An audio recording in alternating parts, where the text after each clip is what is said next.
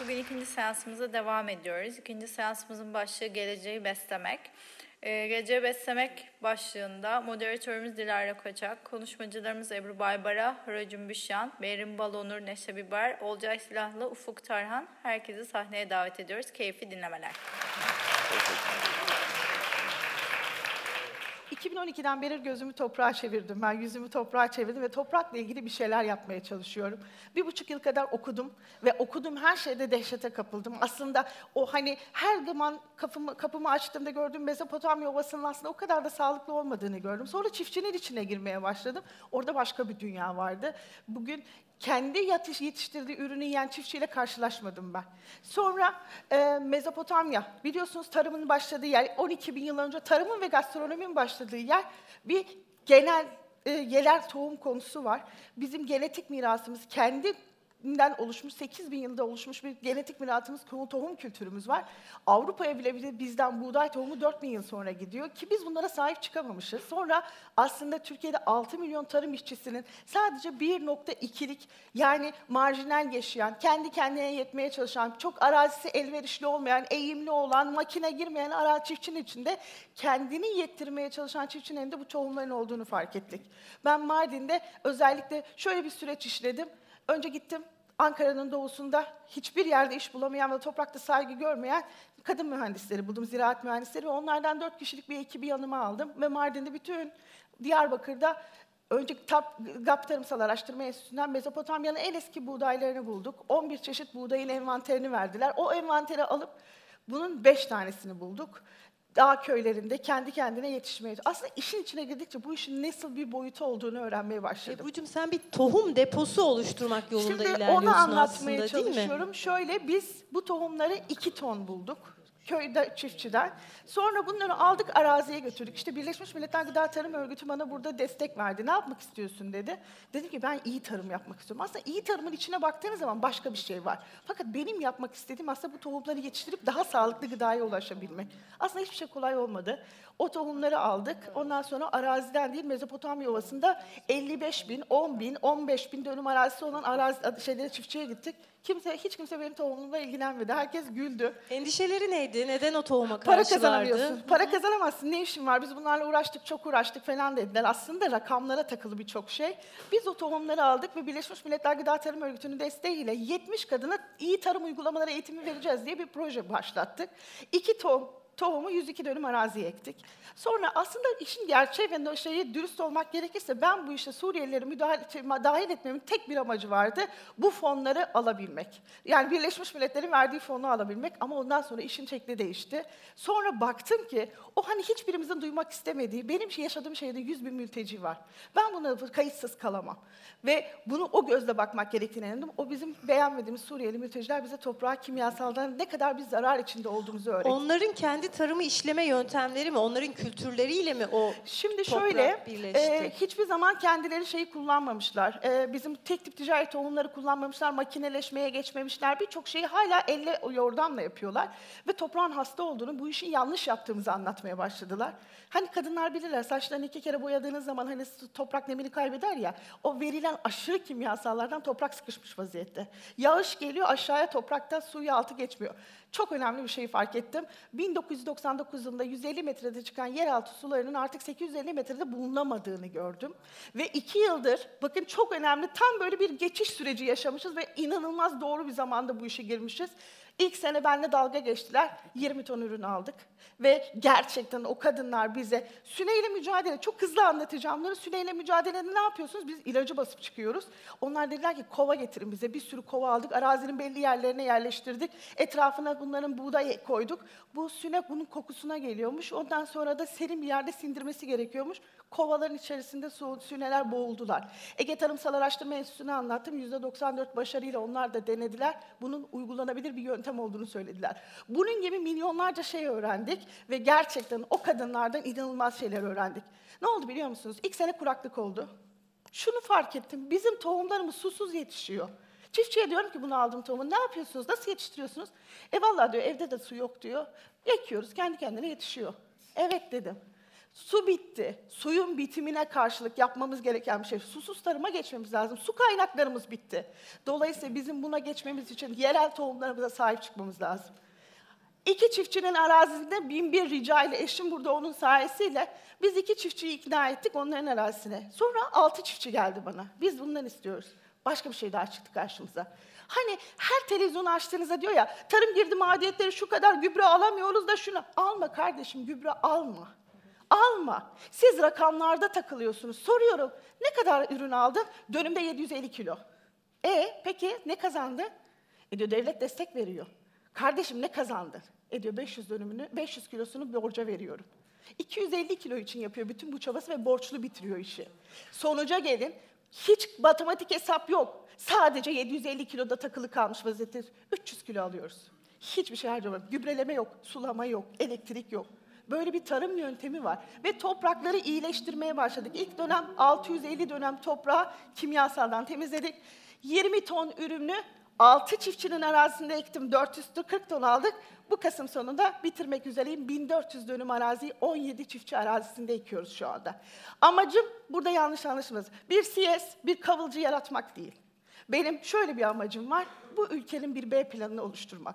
Sonra bu işin içerisine girdikçe çok şey öğrendik. Kişi sayısı 24 kadın mühendis olduk. 350 kadın çiftçi oldu. Daha önemlisi devlet bu işin içine girdi. Ve bir sürü kanuna rağmen defter, devlet bu işin bir tarafında. Tarım Bakanlığı bizim partnerimiz. En önemlisi benim için çok keyifli tarafı Çalışma Sosyal Hizmetler Bakanı Sayın Zehra Zümrüt bu işi elinin altına koydu. Ve 350 kadının tarım eğitimi alınırken bunların sürdürülebilir. Çünkü yüzde 50 kadın çiftçimiz var ve bunların hiçbir tanesi sosyal güvenlik sistemine kayıtlı değil. Kadınların hayatlarını sürdürülebilir hale getirdiğiniz zaman onların yaşam standartını değiştirdiğinizde yaptığı işi sürdürülebilir hale getiriyor. Ve kadınlar sahip çıkıyor artık tohuma. Şimdi benim elimde 50 bin ton olsa ben bunu dağıtacağım.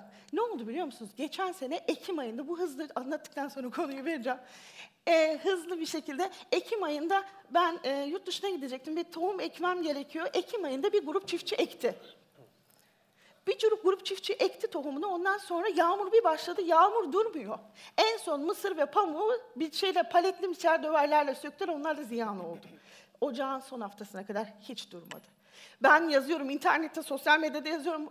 Tohumu ekemedik diyorum. Birisi bana yazmış diyor ki buğdaylarınızı lütfen şeyde saksıda çimlendirin sonra zamanında ekersiniz. Bir milyon dönüm araziden bahsediyoruz. O kadar kopuk ki herkes birbirinden. Sonra neyse ocağın son haftası ektik. O Ekim ayında ekenler tohumu söktüler. Kısır tohum olduğu için her sene almak zorundalar. Tekrar tohum aldılar, tekrar ektiler. Ve biz tohumu ektikten sonra yağmur gene kesilmedi. Ta ki hasata kadar. Yağmur güneş, ürün güneşlenemedi ve tek tip ticari tohumlarda yüzde 65 rekolte düştü. 100 kilo alan adam 35 kilo aldı. Ne değişti biliyor musunuz? Yine dünyanın masrafını yaptılar. 295 kilo onlar ortalamayla yaptılar. Ben 313 kiloda bitirdim. Bu sefer diyorlar ki tamam 40 yıllık çiftçiyiz bu işi sana bırakıyoruz artık ne istiyorsan yapalım diye. Bizim tohumu evriltmemiz lazım. Gıdanın geleceğini düşünmemiz lazım. Benim için en önemli nokta şuydu. Sonra okuyorum neler olmuş, tarihte ne yapılmış. Atatürk'ün bildiği bir şey vardır. Atatürk neler yapmış? O kadar çok şey yapmış ki. Diyor ki bu ülkenin diyor kuraklığa karşı ve savaşa karşı en temel besini olan buğdayla toprak mahsulleri ofisinin her yıl doldurulması gerekiyor ve çiftçinin ürünü toprak mahsulleri almak zorunda diyor. 2006 yılında IMF ile yapılan anlaşmayla öncelikle yerel tohum kanunu çıkartıldı. Türkiye'de yerel tohum satışı ve ekimi dikimi yasaklandı. Çok kısıtlı şeyler. Bunlar devlet politikası. Bunları eleştirmiyoruz. Ve diyorlar ki buna ek olarak çok dillendirilmiyorlar. Her sene doldurulan bu mahsuller, toprak mahsulleri ofisinin artık doldurulmaması gerektiğine karar verildi. Türkiye'nin bir B planı yok. B planını Mardin'den hazırlıyoruz. Bu sene 1400 dönüm. Harikasınız. Hiçbir şekilde kimseye bir avuç tohum vermiyorum. Herkes bana yazıyor. Tohumu versenize bize de biz de paylaşalım. Yok kardeşim yok. Böyle bir şey yok. Ben tohumu şu anda elimde tutuyorum. Gözlemlediğim, gördüğüm şekillerde, benim bildiğim koşullarda yetiştireceğim. Beş yıl sonra yeraltı suları bitti. Konya Ovası çökmeye başladı. Mardin'de çok acıdır ki biz Güneydoğu'da tarım yapmamızın bir tek sebebi var. Ne kadar doğru bunu söylemek Suriye'deki savaş. Aynı tarım havzasından beslendiğimiz için onların 8 yıldır yapmadığı tarımdan kaynaklanan su birikintisi tarımda kullanıyoruz. Üç senemiz yok. Beş yıl, on yıl sonra elimde Türkiye'nin B planını hazırlamak için çiftçiye eğiterek, hani bu tarım şeyler var ya, tohum bankaları. Tohum bankalarına inanmayın. Tohum bankalarının şöyle bir hikayesi var. Artık iklim değişti. Biz bile uyum sağlayamıyoruz. Bugün Kasım mı, Aralık mı bitki devrilemiyor.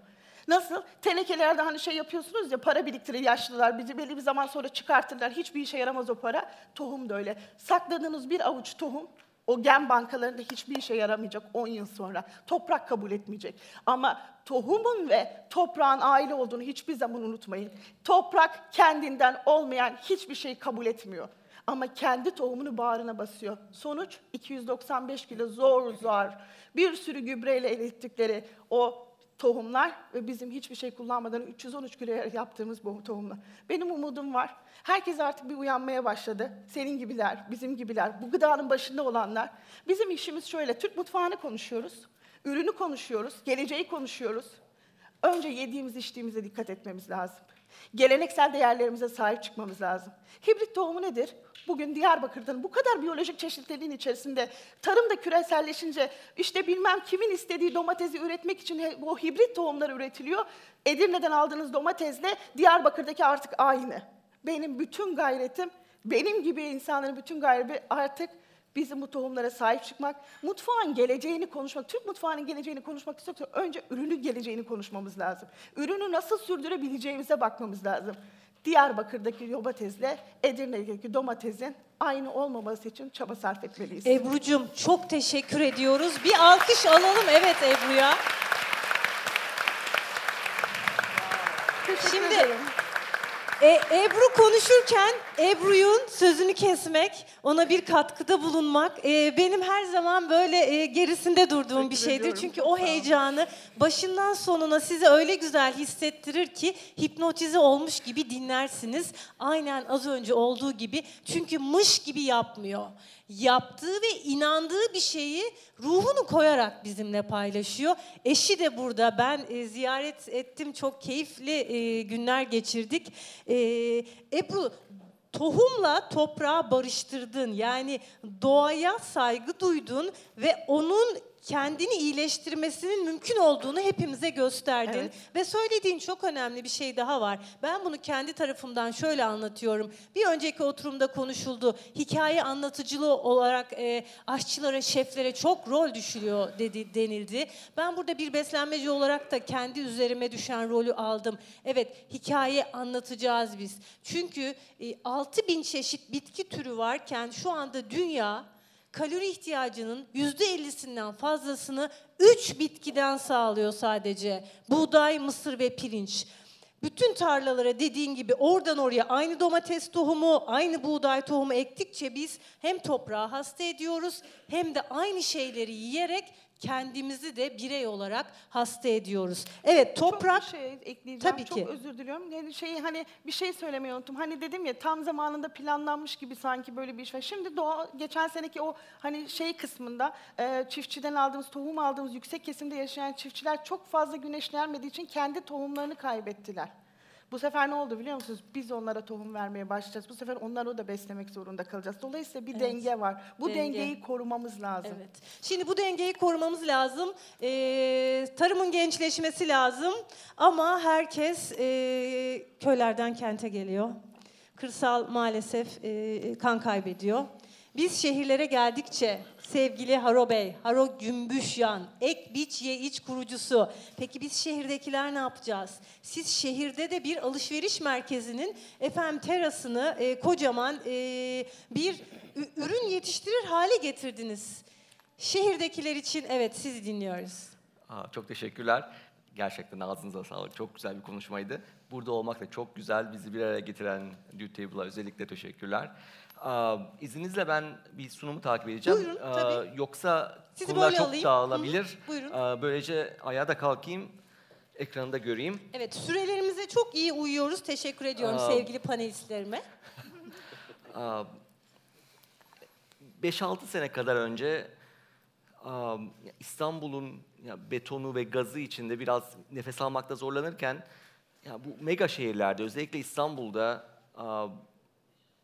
sağlıklı, keyifli, sürülebilir bir hayat mümkün mü diye kendimize soruyorduk.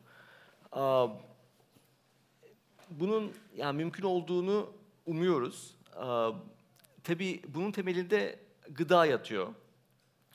Yediklerimizin nereden geldiğini, nasıl üretildiğini bilmek çok kritik. O yüzden bir radikal bir fikirle işe başlayalım dedik ve acaba gıdamızı yaşadığımız yerde üretebilir miyiz diye düşünmeye başladık. Aa, çünkü çok ilginç bir şekilde biz aslında kendimizi aa, diğer canlılardan, işte bitkilerden, hayvanlardan, böceklerden, bakterilerden izole etmiş durumdayız. Bir yerlerde bir tarım yapılıyor. Oradan çıkan ürünlerin, e, ürünleri biz sadece tüketiyoruz. Onların nasıl e, yetiştiğini, ne şartlarda, e, ne verilerle büyüdüğünü pek bilmiyoruz. E, Oysa yaşadığımız ortamda e, bir şeyler yetiştirebilmek tabii ki karbon ayak izini de azaltır, e, yaşadığımız ortamın havasını da temizler. Yani birçok avantajı var ama aynı zamanda da o ürünlerin büyüme sürecini görmek, özellikle mesela gastronomide çalışanlar, şefler için bir bitkinin ne bileyim pazarda veya daha kötü süpermarkette yetişmediğini bilmek ve onun sadece bir fiyattan ibaret olmadığını görmek, onun işte tohumdan filizlenmeye, ondan sonra büyümesine kadar bazen 6 hafta, bazen 2 aylık bir dönem gerektirdiğini anlamak ve gözlemlemek bizim için değerli olur diye düşündük. Bu işe Taksim'den başlayalım dedik. İstanbul'un merkezlerinden biri ve belki de bir şey üretmek için, özellikle kimyasal kullanmadan, aa, çevreye zarar vermeden bir şeyler yapmak için en zor yerlerden biri. Bu belki aa, çok güncel bir fotoğraf değil ama işte görüyorsunuz hala AKM'nin inşaatı var, aa, camimizin inşaatı var. Biz tam o köşede bir bahçe kuralım. Orada ekip biçmeyi öğrenelim. Ve aynı zamanda da bizi ziyaret edenlerle beraber iyi biçelim diye düşündük. Bunu yapabilirsek herhalde hem İstanbul'un hem dünyanın her yerinde bu mümkün olacak diye bir umudumuz var.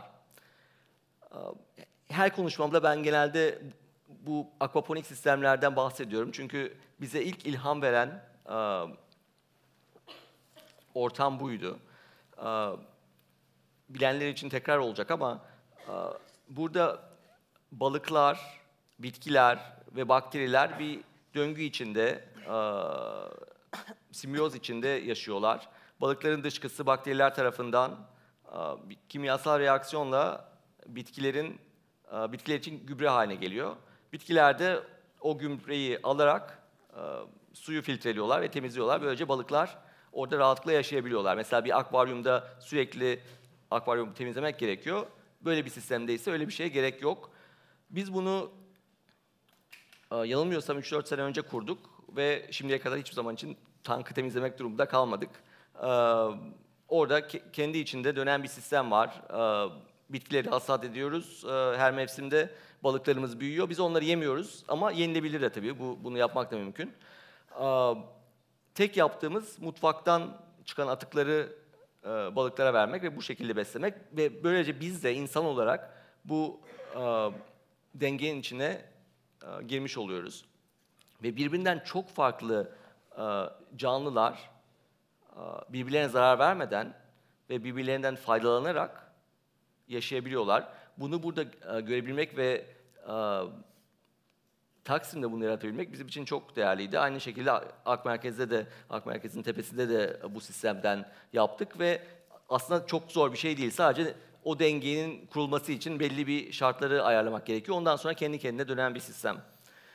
Am, Bunun biraz daha basite indirgenmiş şekli, balıkları ve bakterileri çıkarırsak bitkilerin suda büyümesi. Belki aynı derecede hikayesi cazip değil ama bize çok ciddi bir avantaj sağlıyor. O da bitkileri raflarda, iç mekanda yetiştirebiliyoruz.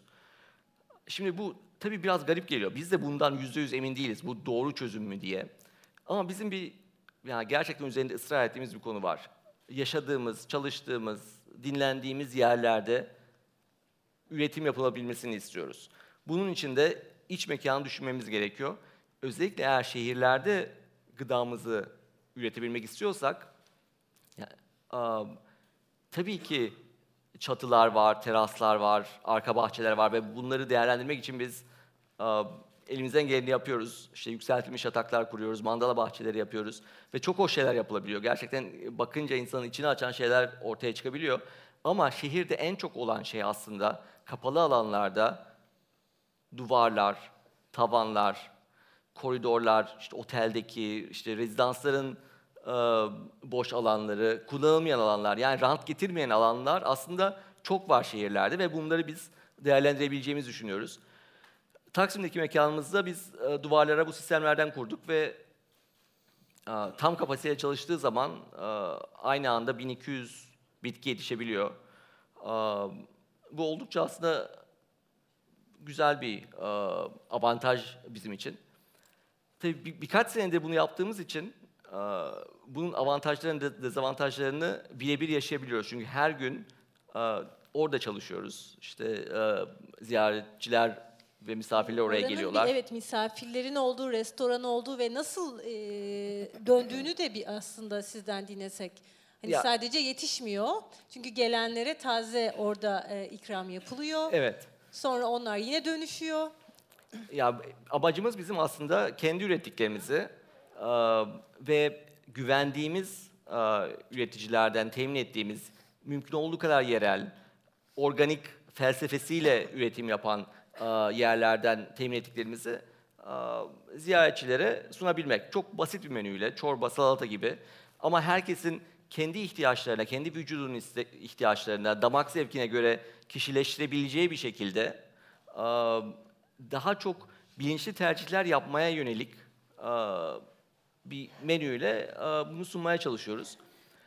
E, Tabii ilk e, denemelerimizde e, teknoloji yeni gelişiyordu. Biz bu konuda e, bayağı çalıştık ve şu anda e, geliştirdiğimiz sistemler e, gerçekten yani övünmek gibi olacak ama e, yani dünyada e, buna benzer e, bir, bir sistem olduğunu sanmıyorum. Yani en azından biz e, bilmiyoruz. E, bizim e, maliyetimizde alınabilecek ama ne bileyim ofisten e, restorana, ev ortamından herhangi bir yere kadar konulabilecek ve üretim yapılabilecek e, sistemlerimiz mevcut. Zamanımız kısıtlı. Toparlarsanız mutlu oluruz. Tamam. O zaman zaten bundan bahsettim. Bunda öğren- öğrendiklerimizi ve tabii bu konuda uzun zamandır çalışan insanlar var, konunun uzmanları var. Bizim öğrendiklerimizi ve onların bildiklerini insanlarla paylaşabilmek amaçlarımızdan biri. O yüzden workshoplar yapıyoruz, konuşmalar yapıyoruz. Bu bizi de çok besliyor ve tabii kendi mekanlarımız dışında kamusal alanlarda veya özel yerlerde, evlerin bahçesinde e, bize sürekli talepler geliyor böyle bir şey yapabilir miyiz diye. Biz de çok heyecanlanıyoruz, yapıyoruz. Ortaya da çok ilginç projeler çıkabiliyor. En son e, Ak Merkez'den minik bir e, videoyla kapatayım. Birkaç sene oldu burayı e, e,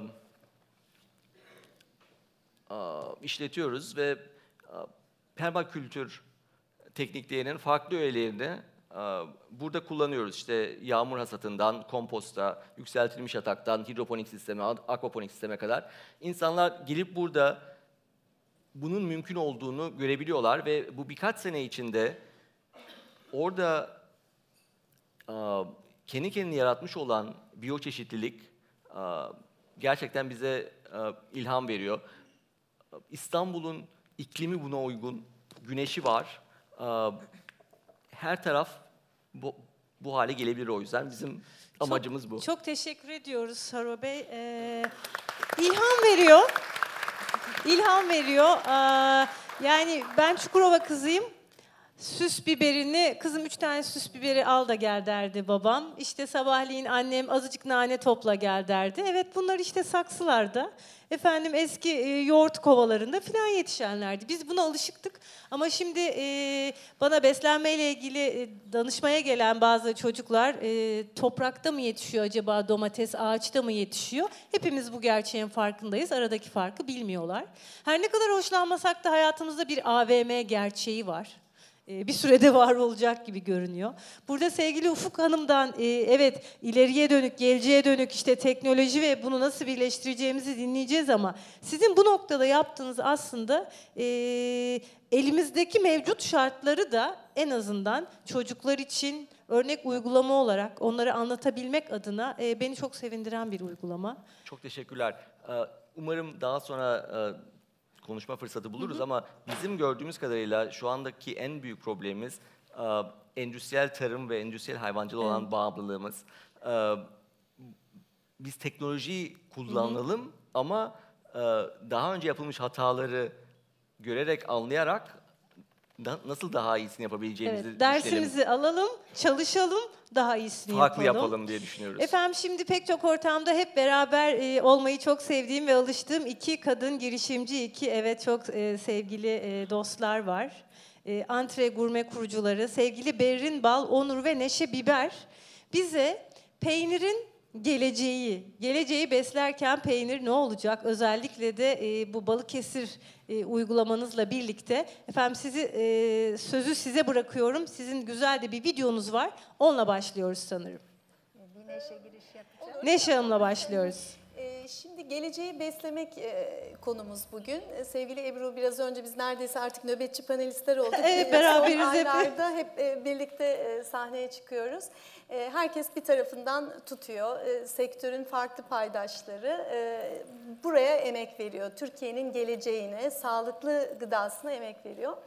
Biz de Berin'le bir tanesini yakaladık e, 2000'li yıllarda. Bundan yaklaşık 20 yıl önce Türk peynirlerinin, geleneksel ve yerel Türk peynirleriyle ilgili bir e, hayal kurduk. Bir idealin peşinde küçücük bir dükkanda başlayan e, bu ideal, bir 30 metrekareden başlayan ideal, e, arkasındaki kültürün değerini bilerek kolektif bilincin bize yansımasını ve ülkemize katacağı e, farkındalığı biraz altını çizmek istedik.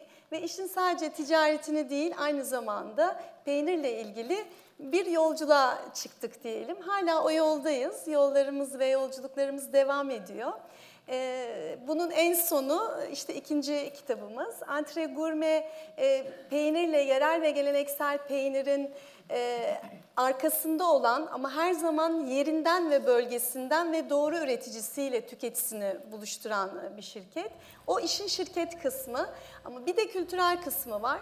E, yaptığımız çalışmalar bizim Anadolu'da e, gittiğimiz her köyde, her kasabada e, o 30 metrekareden çıktık. Yaklaşık bugüne kadar herhalde 45 bin kilometreye yakın bir e, yolculuğumuz oldu e, Türkiye sınırları içerisinde. E, ve birbirinden güzel evlerde, köylerde, mandıralarda, küçük ve aile işletmelerinde e, ve büyük endüstri firmaları da dahil olmak üzere pek çok üretime tanıklık ettik. Üzerinde yaşadığımız topraklar çok kıymetli. Ebru da altını çizdi. Yedi bölgemiz var. Farklı coğrafyalarımızın, o iklimin. Düşünün ki bir ülkeyi, e, bir ülke sınırları içerisinde sadece 3 bine endemik 12 bin tane bitki çeşitliliğimiz var. Ciddi bir hayvan varlığımız var. Ee, yazar Italia Caglio'nun çok güzel bir sözü var. Her peynirin ardında farklı bir mera vardır, farklı bir göğün altında der. İşte aslında bu söz bizim ülkemizi çok güzel anlatıyor. Bu çeşitlilik, bu bitki örtüsü zenginliği tabii ki insan eliyle buluştuğunda farklı halkların birbirlerine geçişlerinin sunduğu. Çünkü kültür dediğimiz şey aslında kelime kökeni de e, tarımsal üretimdir. Tarımsal üretimden yani bir toprak üzerinde insanların ortaya koyduğu, sahnelediği bir oyundur. Dolayısıyla o da ürünle başlar, insanla buluşur. O bölgede yaşayan insanların geleneklerini, iklimin yansımalarını işte o sebzeyi, peyniri, zeytini koruma yöntemlerini farklılaştırır. Oradan da Türkiye'nin peynir zenginliğine ulaşırız. Bugün 300'e yakın peynir çeşitliliğinden söz edebileceğimiz bir ülkede yaşıyoruz. Biz de peynirin gönüllüleri olarak naçizane kendi Evet. ölçeğimizde bir çalışma yapıyoruz. Önce bir kitabımız oldu bizim 2000 15 yılında İş Bankası yayınlarından yayınladığımız. Önce Türkiye'yi gezdik. 7 bölgeden 52 peyniri anlatabildik o 5 yıllık süre içerisinde. Ardından bir şehre baktık. Sadece bir şehre yakın baktığımızda Balıkesir, neredeyse aynı çeşitliliği bulduk ve kitabın ismi de kitabı yazdıktan sonra ortaya çıktı. 50 peynirli şehir Balıkesir oldu kitap. Ee, ve şimdi onun bir filmini izleyelim. Ondan sonra da kitabı bir Tamam. anlatayım. Daha Tamam. sonra filmine geçelim.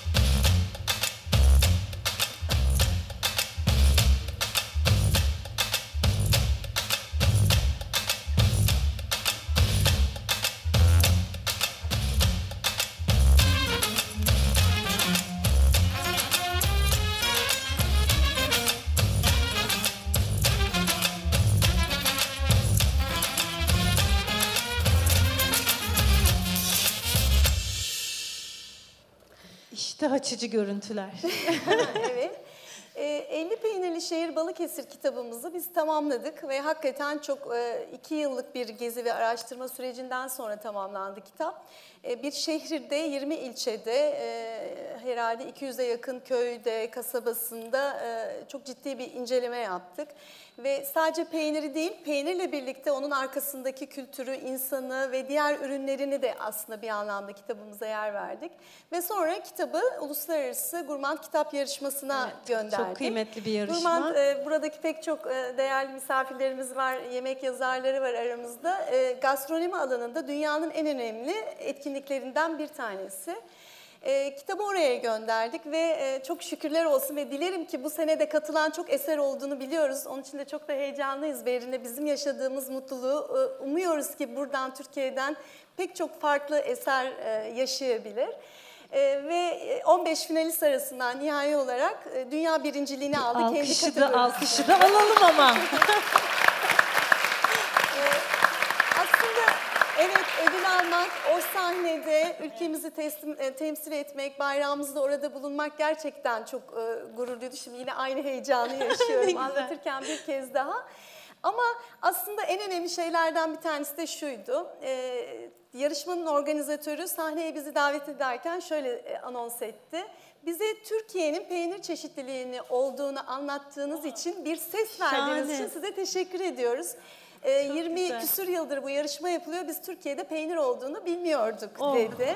Oh. Onun için bu bizim için gerçekten çok kıymetliydi. Bir ses vermek yani Evet. yaptığınız küçücük bir çalışmayla e, yerel bir değerin e, altını çizmek, bu konuda bir farkındalık yaratmak. Elbette ki önce kendi ülkemizde. Çünkü bizim ülkemizde de biz Berin'de gerçekten çok e, zorlandık ilk yıllarda. Düşünün ki 2000'li yıllar yerel ve gelenekselin bugün gibi konuşulduğu, böyle toplulukların, böyle organizasyonların olmadığı yıllar. Ve tam tersine endüstriyel ürünlerin daha güvenli bulunduğu, hani Evet. o programların yapılıp Evet. merdiven altı üretim denilen küçük üretimin yok sayıldığı e, yıllarda biz bu işe başladık. Biraz erken başladık. Yani Çok da iyi ettiniz. Evet, evet, Ee, coğrafi işaretler konusunda da sanıyorum o kısımda e, artık Evet, Berin Berin ama devam geçebilirim.